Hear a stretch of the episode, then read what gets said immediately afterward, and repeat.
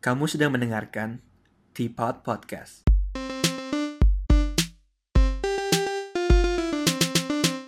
Hello, welcome back to Teapot. Hari ini gue mau coba sesuatu yang baru. Uh, gue cuma sendiri sekarang. Jadi podcast ini bakal kayak monolog. Lebih tepatnya kali ya. Kemarin sempet kepikiran topik. Terus karena lagi social distancing juga pengen iseng lah coba bikin sendiri. Ya semoga menarik juga.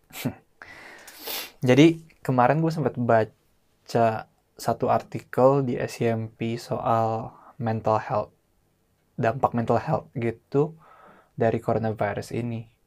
Terus katanya banyak banget orang-orang yang misalnya punya mental health kayak bipolar or anything like that gitu mereka pas dengar soal coronavirus ini mereka juga jadi panik.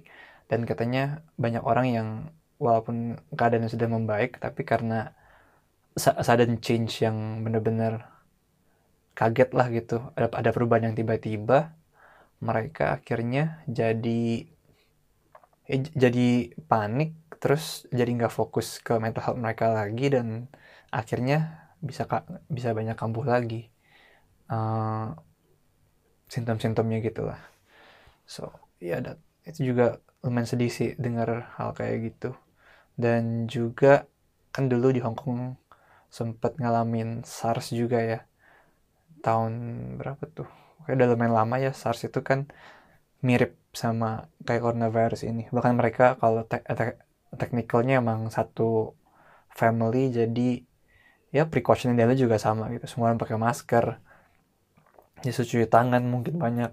Uh, work from home social distancing. Dan ya karena itu dulu orang banyak yang kena SARS dan sekarang pas dengar coronavirus ini mereka jadi ada PTSD ya post traumatic stress disorder. Jadi mereka keinget uh, trauma mereka pas ngadepin SARS itu. Menurut gue itu lumayan kasihan sih. Dan bener juga sih dulu gue sempet bilang juga kan ya di di episode beberapa episode yang lalu soal coronavirus. Nah, menurut gue ini efek coronavirus bukan cuma di di physical health doang ya. Karena karena dengan overwhelming news kayak gini kan lu juga jadi stres banget ya. Gua sih terutama stres. Kalau kemarin pas rekaman kan si Budiman kayaknya lebih santai.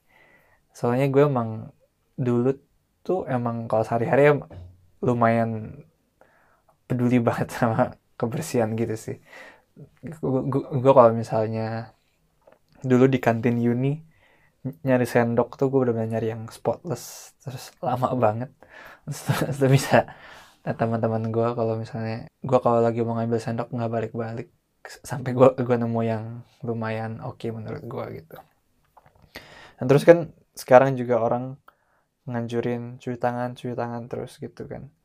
Dulu sih emang gue udah sering cuci tangan sih maksudnya setiap keluar dari rumah atau eh setiap balik ke rumah atau habis megang apa pun gue biasa cuci tangan. Dan ya mungkin dulu di teman-teman gue gue lebih sering lah cuci tangan gitu menurut gue sih. Terus tapi karena karena anjuran di TV di internet semua segala selalu dibilang cuci tangan sebanyak mungkin. Nggak tahu kenapa otak gue ini ngambilnya secara literal banget ya jadi akhirnya gue tuh cuci tangan lebih dari biasanya bener-bener. Setelah pegang apa cuci tangan setelah apa cuci tangan. Sampai angguk. Kadang-kadang bisa kering juga sih karena karena yang cuci tangan ya. Terus ya dengan banyaknya berita ini banyak-banyak berita soal corona gini kan pasti terdampak banget sih. Soalnya gue sempat baca di artikel itu juga tuh yang menurut gue make sense banget adalah ketika orang itu kita nggak siap buat ngadepin perubahan besar secara tiba-tiba gitu. Kan kan pas pas sering dengar juga kalau orang tuh resistant to change kan. Dan apalagi perubahan besar yang datang dalam tiba-tiba gitu. Mungkin dulu lu sering keluar rumah jalan-jalan makan di luar weekend kelayapan atau ya ke mana pun itulah. Tapi sekarang semua anjurannya tuh ya, makan di rumah bekerja di rumah belajar di rumah akan beribadah juga di rumah gitu kan. Dan ya kalau di Hong Kong juga karena semuanya parno gitu akhirnya semua semua pakai masker. Dan sekarang jadi ironis banget sih ngaruh ke psikologi gue gitu. Soalnya dulu kan pas beberapa bulan lalu zamannya demo-demo tuh gue kalau lihat orang pakai masker lumayan takut. Soalnya kan itu nandain mereka mungkin pendemo dan kalau pendemo bentrok sama polisi ntar bakal ada kericuhan gitu kan. Jadi gue takut lihat orang pakai masker. Tapi sekarang kebaikannya gue kalau di MTR lihat orang nggak pakai masker gue jadi takut. Takut dia batuk tiba-tiba gitu. Ya bener-bener. Psikologinya terbalik banget deh. Terus ngomongin di MTR juga soalnya ini orang sering takut ya siapa kali orang sekali batuk gitu kan semuanya langsung ngeliatin yang batuk gitu. Ya, bisa liatin yang batuk. Terus tapi karena karena yang batuk itu orang-orang tua gitu kan. Tapi menurut gue baru sadar juga sih sebenarnya orang-orang tua itu selalu batuk sih. Bahkan sebelum zaman virus-virus ini tuh kalau lihat orang tua diam diam mereka pasti at some point bakal batuk gitu. Bukan the question of if tapi itu malah pertanyaannya kapan dia bakal batuk gitu dan gue orang jadi serba was was gini uh, pasti jadi nggak tenang juga ya mikirnya. Gue juga uh, kan selama ini udah berapa bulan? Hampir tiga bulan. Kalau di Hongkong selalu makan uh, bungkus bawa ke rumah. Soalnya uh, gue berasa gue nggak bisa yakin kalau mis kalau restorannya itu yang bener bebas virus bukan restorannya sendiri sih tapi lebih ke peralatan makannya piringnya sendoknya dan lain sebagainya. Soalnya gue sempat baca juga kan katanya itu bisa nyebar juga lewat sana gitu. Kalau misalnya kita sharing uh, piring atau sendok sharing itu kan bisa bisa berarti dia bisa pakai terus orangnya nyucinya nggak nggak bersih kita pakai kan hitungannya udah sharing dan virus itu bisa menyebar kan nah tapi kalau misalnya itu udah udah di dapur dan lain sebagainya itu itu berarti udah nggak udah nggak bisa ketolong juga sih. Nah, jadi untungnya gue sih walaupun gue stres mikirin hal ini gue sering banget cuci tangan pakai hand sanitizer uh, tapi gue masih bisa nutupin beberapa hal lah. Nggak mikirin beberapa hal yang yang gue tahu mungkin itu kotor tapi gue masih bisa blok itu dari sistem gue jadi gue gue nggak terlalu panik setiap saat gitu. So I think dan pasti menurut gue pasti ada orang yang lebih parah dibanding gue juga sih. Mungkin dia udah benar semuanya harus sebab bersih semuanya disanitize. Dan like it or not pasti nggak semuanya nggak bakal bisa disanitize kan? Pasti ada aja masih spot yang uh, yang sulit dijangkau atau apa pun itu. Pokoknya sangat susah deh bikin semua hal tuh ke disinfect gitu. Kalau beli barang masa semua barangnya di disinfect gitu kan? Susah juga. Dan kayak lu nyapu aja deh. Misalnya lo habis nyapu kan udah pokoknya lo ambil semua debu-debu itu. Tapi pas lagi nyapu rambut tuh jatuh gitu misalnya. Dan ya akhirnya tetap aja pas udah kelar nyapu masih ada kotoran-kotoran lain juga kan. Jadi tetap aja sih menurut gue kita coba yang terbaik tapi gimana caranya kita harus mungkin tutup sebelah mata sedikit kali ya sama hal-hal yang yang susah kita lakuin lah. Jangan kalau misalnya nggak begitu kayaknya stres banget jadinya. Ya terus gue, juga sempet salah satu stres ini sempat lihat apa sih berita soal kayak rasisme gitu ya. Yang kalau di US tuh uh, atau di UK kalau mereka lihat orang Cina itu mereka langsung menganggapnya mereka punya corona. Terus bahkan ada yang kasusnya digebukin ya kalau nggak salah ada atau dari mana ya Singapura atau Malaysia ya. Singapura atau Malaysia gitu dia lagi jalan-jalan terus ketemu orang terus di, dikira dia dari Cina dianggap bawa virus corona terus digebukin. Padahal kan kalau pikir bener-benernya, kalau ketemu orang yang punya virus, terus lu gebukin kan tangan lu malah, malah nyentuh dia kan, malah virusnya bisa nyebar ke lu. Jadi nggak ada nggak ada faedahnya juga sih lu gebukin gitu, malah mendingan kabur daripada gebukin gitu kan. Terus semua orang bilang itu salah kan, katanya jangan rasis lah, jangan kalau misalnya ketemu orang Cina nggak berarti dia punya corona, jadi jangan rasis, jangan apalah gitu.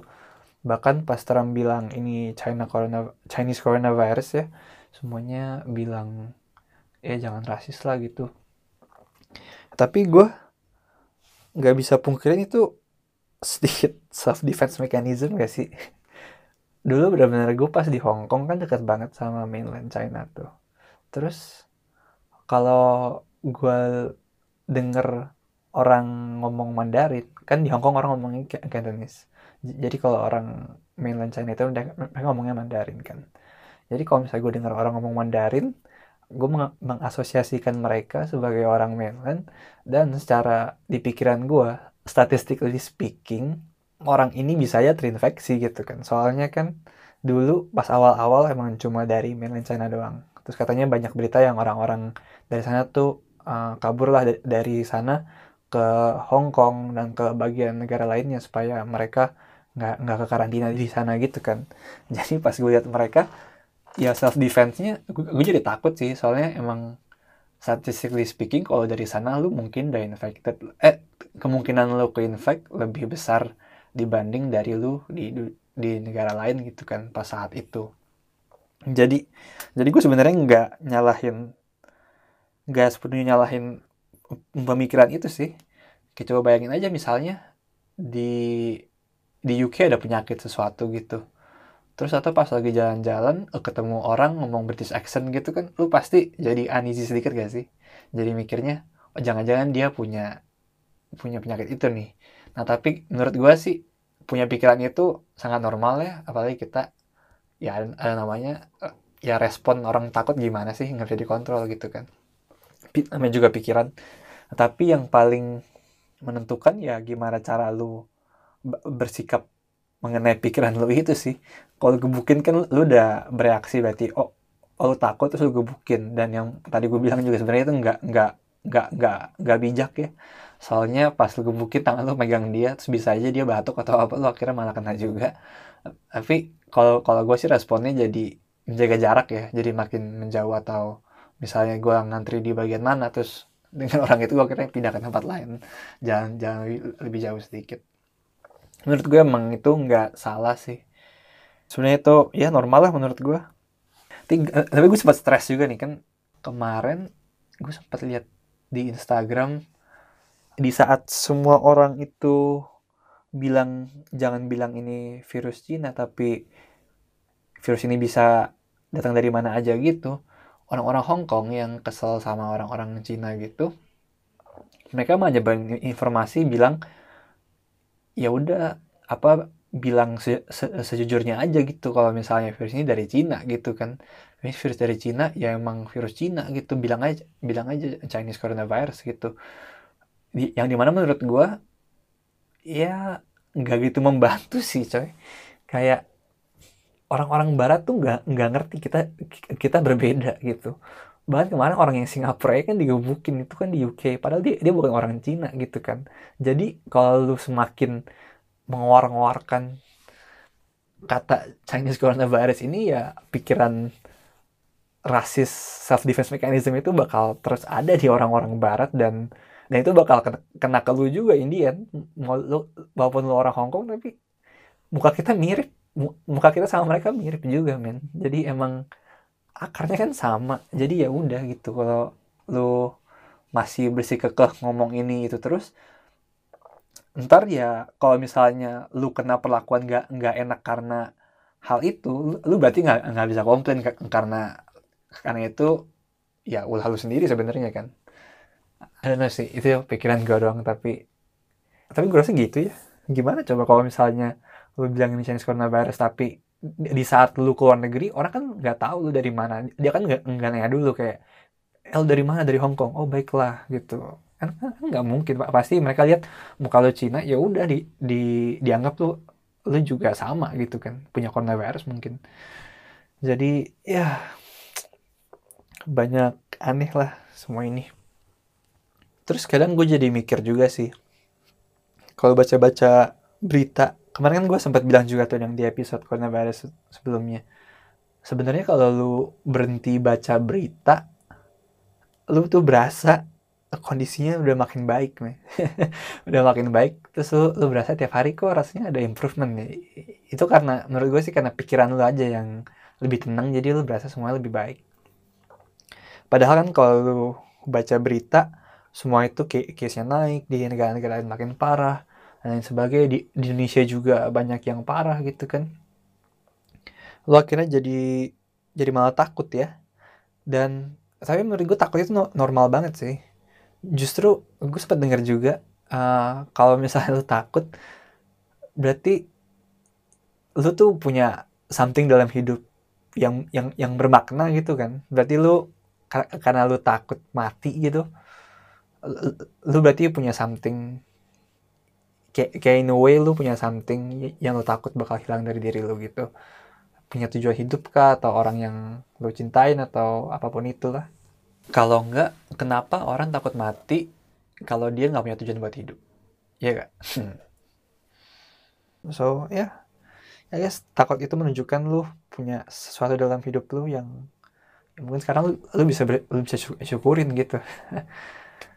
Dan mungkin kalau malah kalau lu nggak takut, kalau lu nggak takut lu malah eh bentar bentar. Kalau lu nggak takut, oke okay, kemarin gue sempet ini sih mungkin ganti topik sedikit.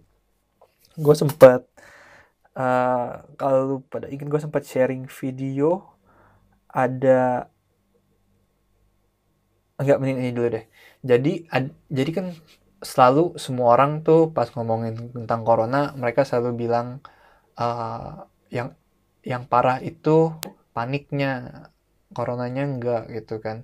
Katanya what's more dangerous than the virus is the panic itself gitu kan.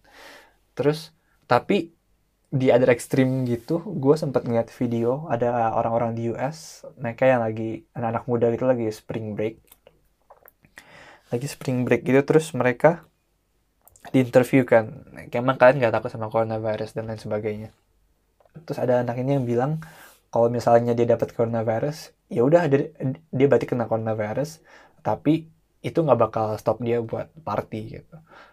Dan menurut gue jadi abis nonton itu sih berasa mungkin paniknya itu le lebih bahaya dibanding virusnya tapi dengan lu nggak peduli atau lu ik ik atau lu ignorance itu menurut gue lebih bahaya dari virusnya sih. Eh lebih bahaya dari paniknya malah so, menurut gue kalau lu panik ya udahlah mungkin negatif efeknya lu bakal panic buying lu jadi stres lu ya jadi panik gitu kan tapi at least lu masih tahu di society ini tuh lagi ada yang salah dan lu harus melakukan sesuatu untuk membuatnya lebih, lebih baik buat semua orang gitu. Tapi kalau misalnya lu ignorance, lu nggak peduli dengan semua ini, ya lu akhirnya nggak ngapa-ngapain gitu kan. Lu lu masih keluar rumah mungkin lu nggak peduli cuci tangan, lu akhirnya mikir oh ya gue nggak usah panik yang penting kita slow aja Wallace Wallace gitu kan.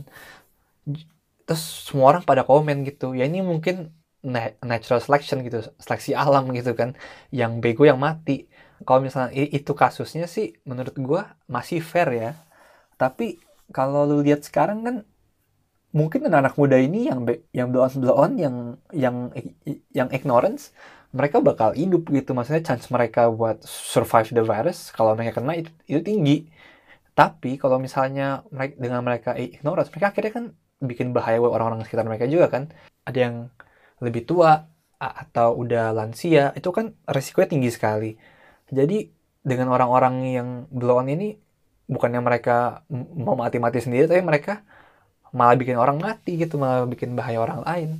Jadi menurut gue sih itu bahaya banget sih dan ya gimana ya caranya bikin orang-orang yang si ignorance itu buat buat apa ya? Sadar lah kayak lu tuh hidup nggak cuma sendiri. Tapi susah kali ya mungkin oh jadi politik nih. Kalau di US itu kan mereka demokrasinya tinggi banget benar-benar free will dan selalu ada teori yang bilang kalau semakin di negara western itu yang mereka melihat moral itu sebagai mereka melihat sebuah entitas tuh lebih individualistik gitu. Kalau di Asia kita cenderung lebih lebih komunal lah gitu lebih melihat dalam dalam keseluruhan. Tapi kalau di US mereka lebih individualistik kan. Jadi makanya mereka udah bisa support uh, eh, LGBT soalnya ya mereka selalu mikir ya yaudah itu pilihan lu pilihan sendiri. Kalau bahagia lu bahagia gitu kan. Nah tapi jeleknya ya kayak sekarang gini gitu. Jadi mereka nggak gitu peduli sama orang lain sehingga ketika ada virus seperti ini mereka mikir oh ya udah kalau misalnya gue gue gue mau party mau ada virus dan gue nggak takut gue nggak peduli ya suka suka gue gitu kan. Jadi ya plus minus sih. Orang-orang seperti ini udah kebiasaan terlalu bebas akhirnya sekalinya mau di constrain ya su susah juga gitu kan. Terus mungkin yang bikin gue stres lagi nih dari situasi ini ya ngeliatin grup WhatsApp sih. Soalnya di grup WhatsApp entah kenapa ya men. Gila loh sampai lagi ini kan krisis kesehatan bukan politik loh. Krisis kesehatan aja orang masih ada kirim hoax-hoax gitu ya. Kirim-kirim hoax-hoax di di WhatsApp gitu. Gue gue nggak habis pikir sih gila.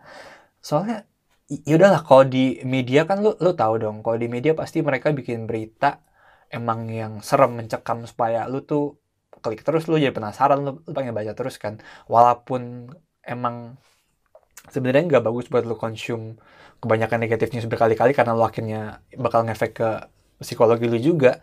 Tapi ya walaupun ini bukan tindakan terpuji tapi gue masih tahu kenapa mereka ngakuin ini gitu.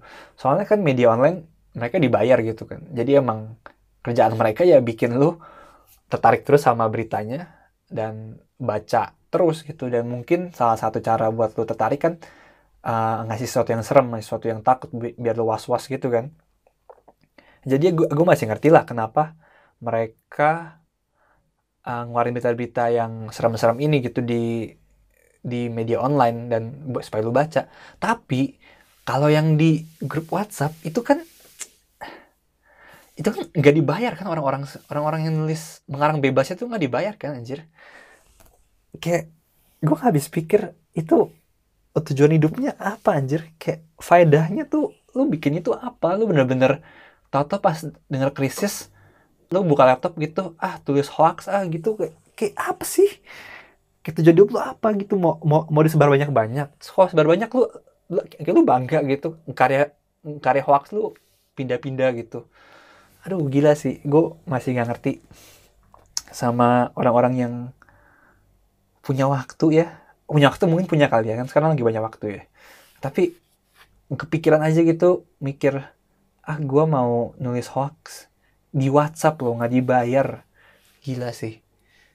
Terus kalau lihat website yang apa sih tanggap COVID-19 ya di Indonesia yang tentang informasinya gitu dia sampai ada satu page soal hoax buster itu kan kasihan banget men. Lu jadi dokter jadi pemerintah menanganin covid terus ada orang-orang ini melihat mereka kayak sepertinya kerjaan kalian kurang saya tambahkan saja ya. Buat cari-cari hoax gitu aduh ngapain sih? Kalau politik ya udahlah politik kan emang kontestasi gitu kan. Lu mau menang lu mau kalah ya udahlah gitu. Lu mau bikin hoax buat supaya yang lain menang. Ini kan ini ini lu dapat apa sih kesenangan macam apa yang lu dapat dari dari nulis hoax gitu. Aduh gila gue ngerti sih. Terus lagi orang-orang yang masih nyebar-nyebarin hoax nyebar-nyebarin hoax dan mengkonsumsi hoax itu sendiri ya termasuk ya. Ngeliat ini miris juga sih. Di zaman sekarang udah banyak udah banyak tinggal Google tinggal nyari informasi yang yang mungkin lu bisa cek kebenarannya tapi orang masih aja kemakan hoax gitu. Ini jadi ngingetin gue sama satu kejadian pas gue masih SD jadi ada temen gue dia bawa snack. Ingat gak lo pada uh, biskuit caca? Apa sih? Permen caca ya? Yang mirip kayak MM gitu. Tapi mereknya beda gitu kan. Terus sekali dia pas mau makan dibuka plastiknya terlalu kenceng dia kan keras. Abis itu pak pas ditarik dua pecah gitu kan pas pecah ya banyak dong yang, yang jatuh uh, biskuitnya baik yang jatuh kan. Terus habis itu ya kita sebagai teman-temannya bilang dong eh jangan dimakan nih itu kan udah kotor. Terus habis itu dia juga bilang oh oh iya kok eh, emang nggak mau dimakan soalnya udah kotor. Nah tiba-tiba ada sa satu teman gue dari belakang dia dia lari terus dia datang ke depan kita gitu. Terus dia bilang woi sayang bego. Habis itu dia langsung jongkok diambilin tuh satu-satu biskuitnya dimakanin. Ya terus kita cuma bisa di belakang ngeliatin dia doang gitu. Kayak ya ampun kayak miris banget. Itu perasaannya kayak ng ngeliat orang makanin hoax tuh gitu men. Menurut gue sih kayak orang-orang udah udah bilang jangan makan hoax ya. Terus ada ada orang-orang yang mikir, wah sayang bego itu informasi bagus, terus di, terus dia makanin di depan gitu, itu kan sedih banget ngeliatnya, aduh. Saya nggak ngerti lagi ngeliatin orang-orang aneh-aneh bikin hoax ini. Terus itu hoax, belum lagi ini kan hitung-hitung ya masalah global lah ya, udah saatnya kita coba mengesampingkan semua hal, tapi masih ada ya orang mikir ini politik men. Benar-benar kemarin uh, pas pokoknya dua-duanya dia. Nggak nggak Pak Anies nggak Pak Jokowi nggak menterinya misalnya semua ada bikin kebijakan yang salah ya udah kan dikritik gitu. Tapi masih ada yang bela-belain tuh maksudnya apa sih? Tujuan dia juga tujuannya apa sih? Dibayar gitu jadi buzzer. Buat apa sih butuh buzzer di saat seperti ini gitu menurut gua? Aneh banget gak sih? Ini gila gue gak ngerti sih. Kayak kemarin misalnya uh, Anies yang nurunin interval bus eh bukan naikin interval bus nurunin frekuensi bus ya. Akhirnya kan malah jadi rame tuh di busway. Uh, terus akhirnya semua orang jadi ngantri panjang dan malah berisiko besar gitu kan.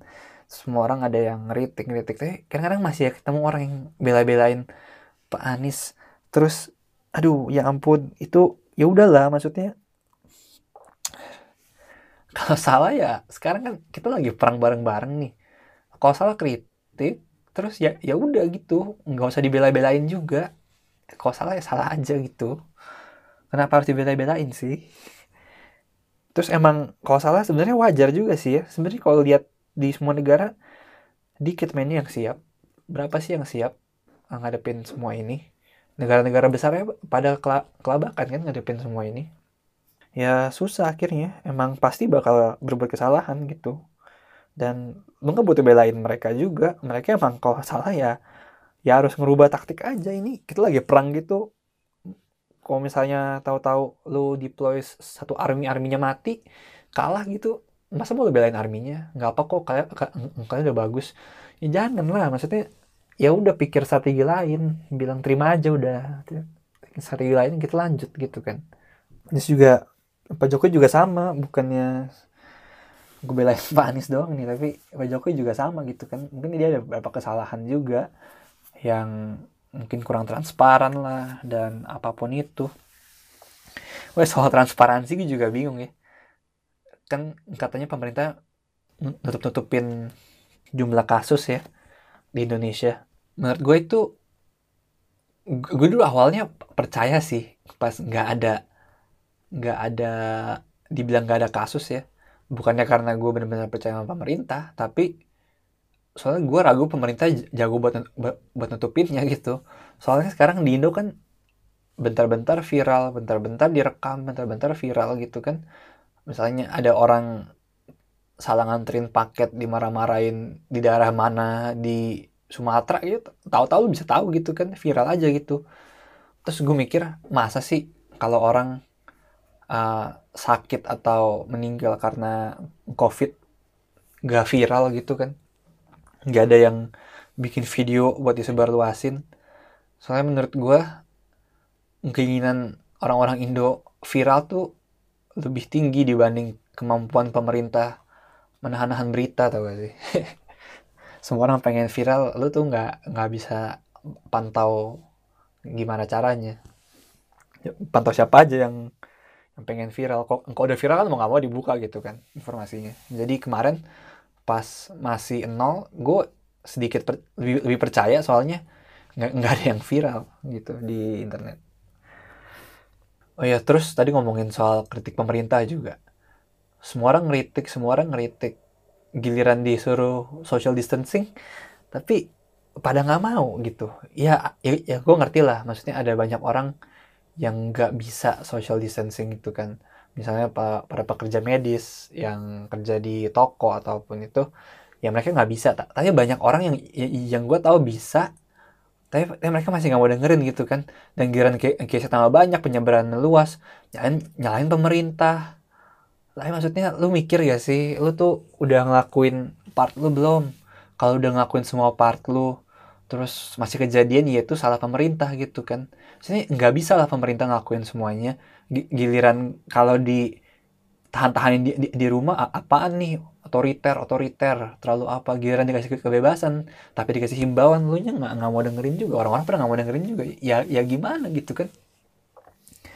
Kalau komplain terus menerus tapi tapi lu lu nggak mau ngikutin anjuran buat social distancing gitu ya alasannya bosen. Orang-orang ya bosen tahu tapi di rumah terus. Ya ya gimana? Kita lagi krisis men. Kayak misalnya di luar lagi perang gitu lagi ada bom di mana-mana. Masa lu masih kepikiran belanja sih? Pikiran keluar gitu. Ah pengen jalan-jalan lah gitu kan. Lo anggap ini lagi perang kita lagi perang lawan virus gitu kan. Yaudah di, di rumah dulu aja gitu. Di, di, di mana lo lebih aman mungkin. Ya terus mungkin kayak kayak kebalik ya social distancing kan buat uh, nurunin curve-nya tuh. Lu mungkin udah sering lihat video ini kali soalnya kak kan kalau lu uh, ngelakuin social, social distancing jadi akhirnya penyebaran virusnya itu curve-nya uh, kurvanya itu menurun. Uh, dia jadi lebih, lebih lama tapi lebih sedikit orang yang terinfeksi dalam secara bersamaan. Sehingga kemungkinan besarnya itu uh, tenaga medisnya masih bisa handle lah gitu. Nah sekarang ini malah kan jadi mestinya kan social distancing itu lu bikin gimana caranya supaya sebanyak-banyaknya orang social distancing dalam waktu ya mungkin dua minggu atau sebulan ke depan ini gitu kan sehingga jadi sedikit banget orang yang keluar nah makanya lu banyak-banyakin di rumah dalam dua minggu sampai sebulan ini sehingga setelah itu lu bisa hidup seperti normal lagi balik ke normal. Tapi yang ini orang-orang malah kebalikannya. Orang-orang mau flatten the curve buat social distancing. Jadi mereka mau keluar pelan-pelan. Nggak apa-apa mereka social dis dia di, disuruh social distancing lebih lama. Yang penting mereka bisa keluar. Padahal sebenarnya kan lu harusnya yaudah lu paksain ekstrim social distancing dalam dua minggu sampai sebulan. Mungkin uh, setelah itu lu bisa bisa hidup normal gitu kan. Jadi ya masih nggak ngerti sih kenapa orang-orang kalau yang komplain terus tapi masih nggak mau ngelakuin anjuran ini di saat dia bisa menurut gue sih perlu perlu refleksi diri juga ya. Mikir sendiri dulu gitu. Kayak kemarin pas banjir kalau lu masih buang sampah di got jangan teriak-teriak Pak Anies. Jangan ya mungkin ada salah dia juga tapi ya ada sama saja gitu jadi kalau misalnya sekarang ya healthcare yang nggak cukup ya mungkin itu salah pemerintah udah lama nggak dibener-benerin gitu kan. Tapi kalau kalian masih keluar-keluar juga ya samanya juga kalian juga nambah-nambahin re resiko sendiri. Ya jadi segitu sih banyak hal-hal yang bikin gua stres. Dari berita-berita habis itu politik hoax yang paling parah tapi ya mungkin sekarang saatnya paling supaya nggak takut sih ya udah lu jaga aja sih jaga diri. Please lakuin social distancing di rumah aja. Jangan keluar kalau nggak perlu. Terus ya basic sih cuci tangan yang yang, yang bersih jaga kebersihan makan yang sehat supaya jaga imun nggak supaya nggak usah supaya imunitas lu kuat dan juga ya mungkin kalau mau ya kalau bosen jangan lupa connect sama family sama teman-teman lu juga lah. Hmm. tapi mungkin lewat video call atau chatting dan lain sebagainya. Atau ya mungkin untuk keluarga jauh yang lu udah lama gak nyapa sapa lah mungkin sekali-sekali nanya keadaannya gimana. Mungkin itu bakal cheer mereka juga. Apalagi yang mungkin udah lebih tua. Dibanding kita dan mereka juga khawatir kan. Kadang-kadang kalau kita ngobrol sama orang itu jadi lebih lupa ya sama hal-hal yang stres-stres gini. Dan dan gue tau banget sih ini mungkin bakal nge ngefek banget sama mental health kita dan gue juga nggak tahu ya apakah antar mudah buat kita kembali ke normalnya lagi. Tapi gue cuma bisa berharap yang terbaik aja sih. Ya udah paling segitu dulu aja monolog gue uh, ternyata gue ngomong lumayan lama juga dan sekarang kita masih mau ke Q&A sedikit. Paling gue ambil sedikit aja dari yang tadi gue uh, up di Instagram. Mungkin dari first question nama kalian nggak usah dibacain lah ya. Oke okay, first question. Gimana caranya biar nggak stres tiap kali lihat berita apalagi di Indo soal corona? Khawatir juga tuh be honest. Hmm, ya tadi gue udah bahas ya kalau misalnya stres ya beritanya nggak usah dibaca. Nggak lebih bercanda. Tapi penting sebenarnya buat lo baca berita supaya ya tahu update lah. Kalau misalnya ada himbauan yang baru atau apa apa, -apa kan biar tahu juga. Tapi caranya paling siap-siap secukupnya sih ya. Siap-siap hmm, misalnya supplies. Tapi jangan terlalu banyak juga jangan panic buying uh, terus ngelakuin semua precaution cuci tangan makan sehat istirahat cukup jaga ya jaga imunitas dan juga social distancing. Dan ya harusnya oke okay sih harusnya lu, bisa tenang kalau begitu. Dan ya emang pasti ada beberapa hal yang lu nggak bisa certain dari semua ini tapi kalau misalnya lu udah ngelewat eh udah ngelakuin semua yang lu bisa buat mm, mencegah ini udah ngikutin semua himbauan sih seharusnya lu bisa tenang juga sih oke okay, uh, next work from home bikin unproductive. Nah, sebenarnya kita bakal atau udah ngerilis uh, episode juga soal work from home, tapi mungkin singkatnya uh, kalau kalau nggak produktif sebenarnya itu work from home itu sebuah mindset sih ya. Gimana masalah mindset maksud gue kayak gimana caranya lu bisa ngubah mindset lu ya bisa produktif di rumah. Sebenarnya kan di rumah sama di kantor sama aja. Cuma bedanya kalau di kantor environmentnya mendukung semua pada kerja dan ada bos atau manajer yang yang ngawasin juga jadi lu berasa terpressure buat kerja mungkin kalau di rumah saran gue mungkin dulu pas sempat work from home mandi dan ganti baju pergi kali ya pakai baju yang biasa lu pakai kalau mau kalau mau kerja ya mungkin less formal atau gimana pun itu. Supaya get into the mindset aja sih bilang ke badan lo oke okay, siap kerja nih kita.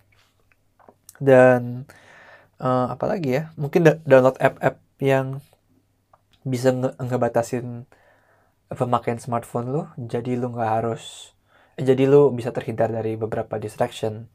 Bisa Instagram sama YouTube yang paling parah ya.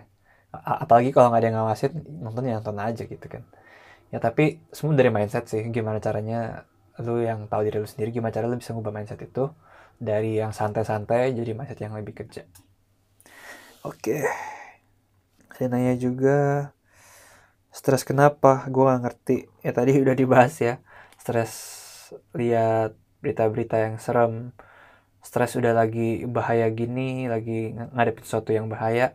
Ma masih ada orang-orang yang bikin hoax habis itu masih mempolitisasi semua ini.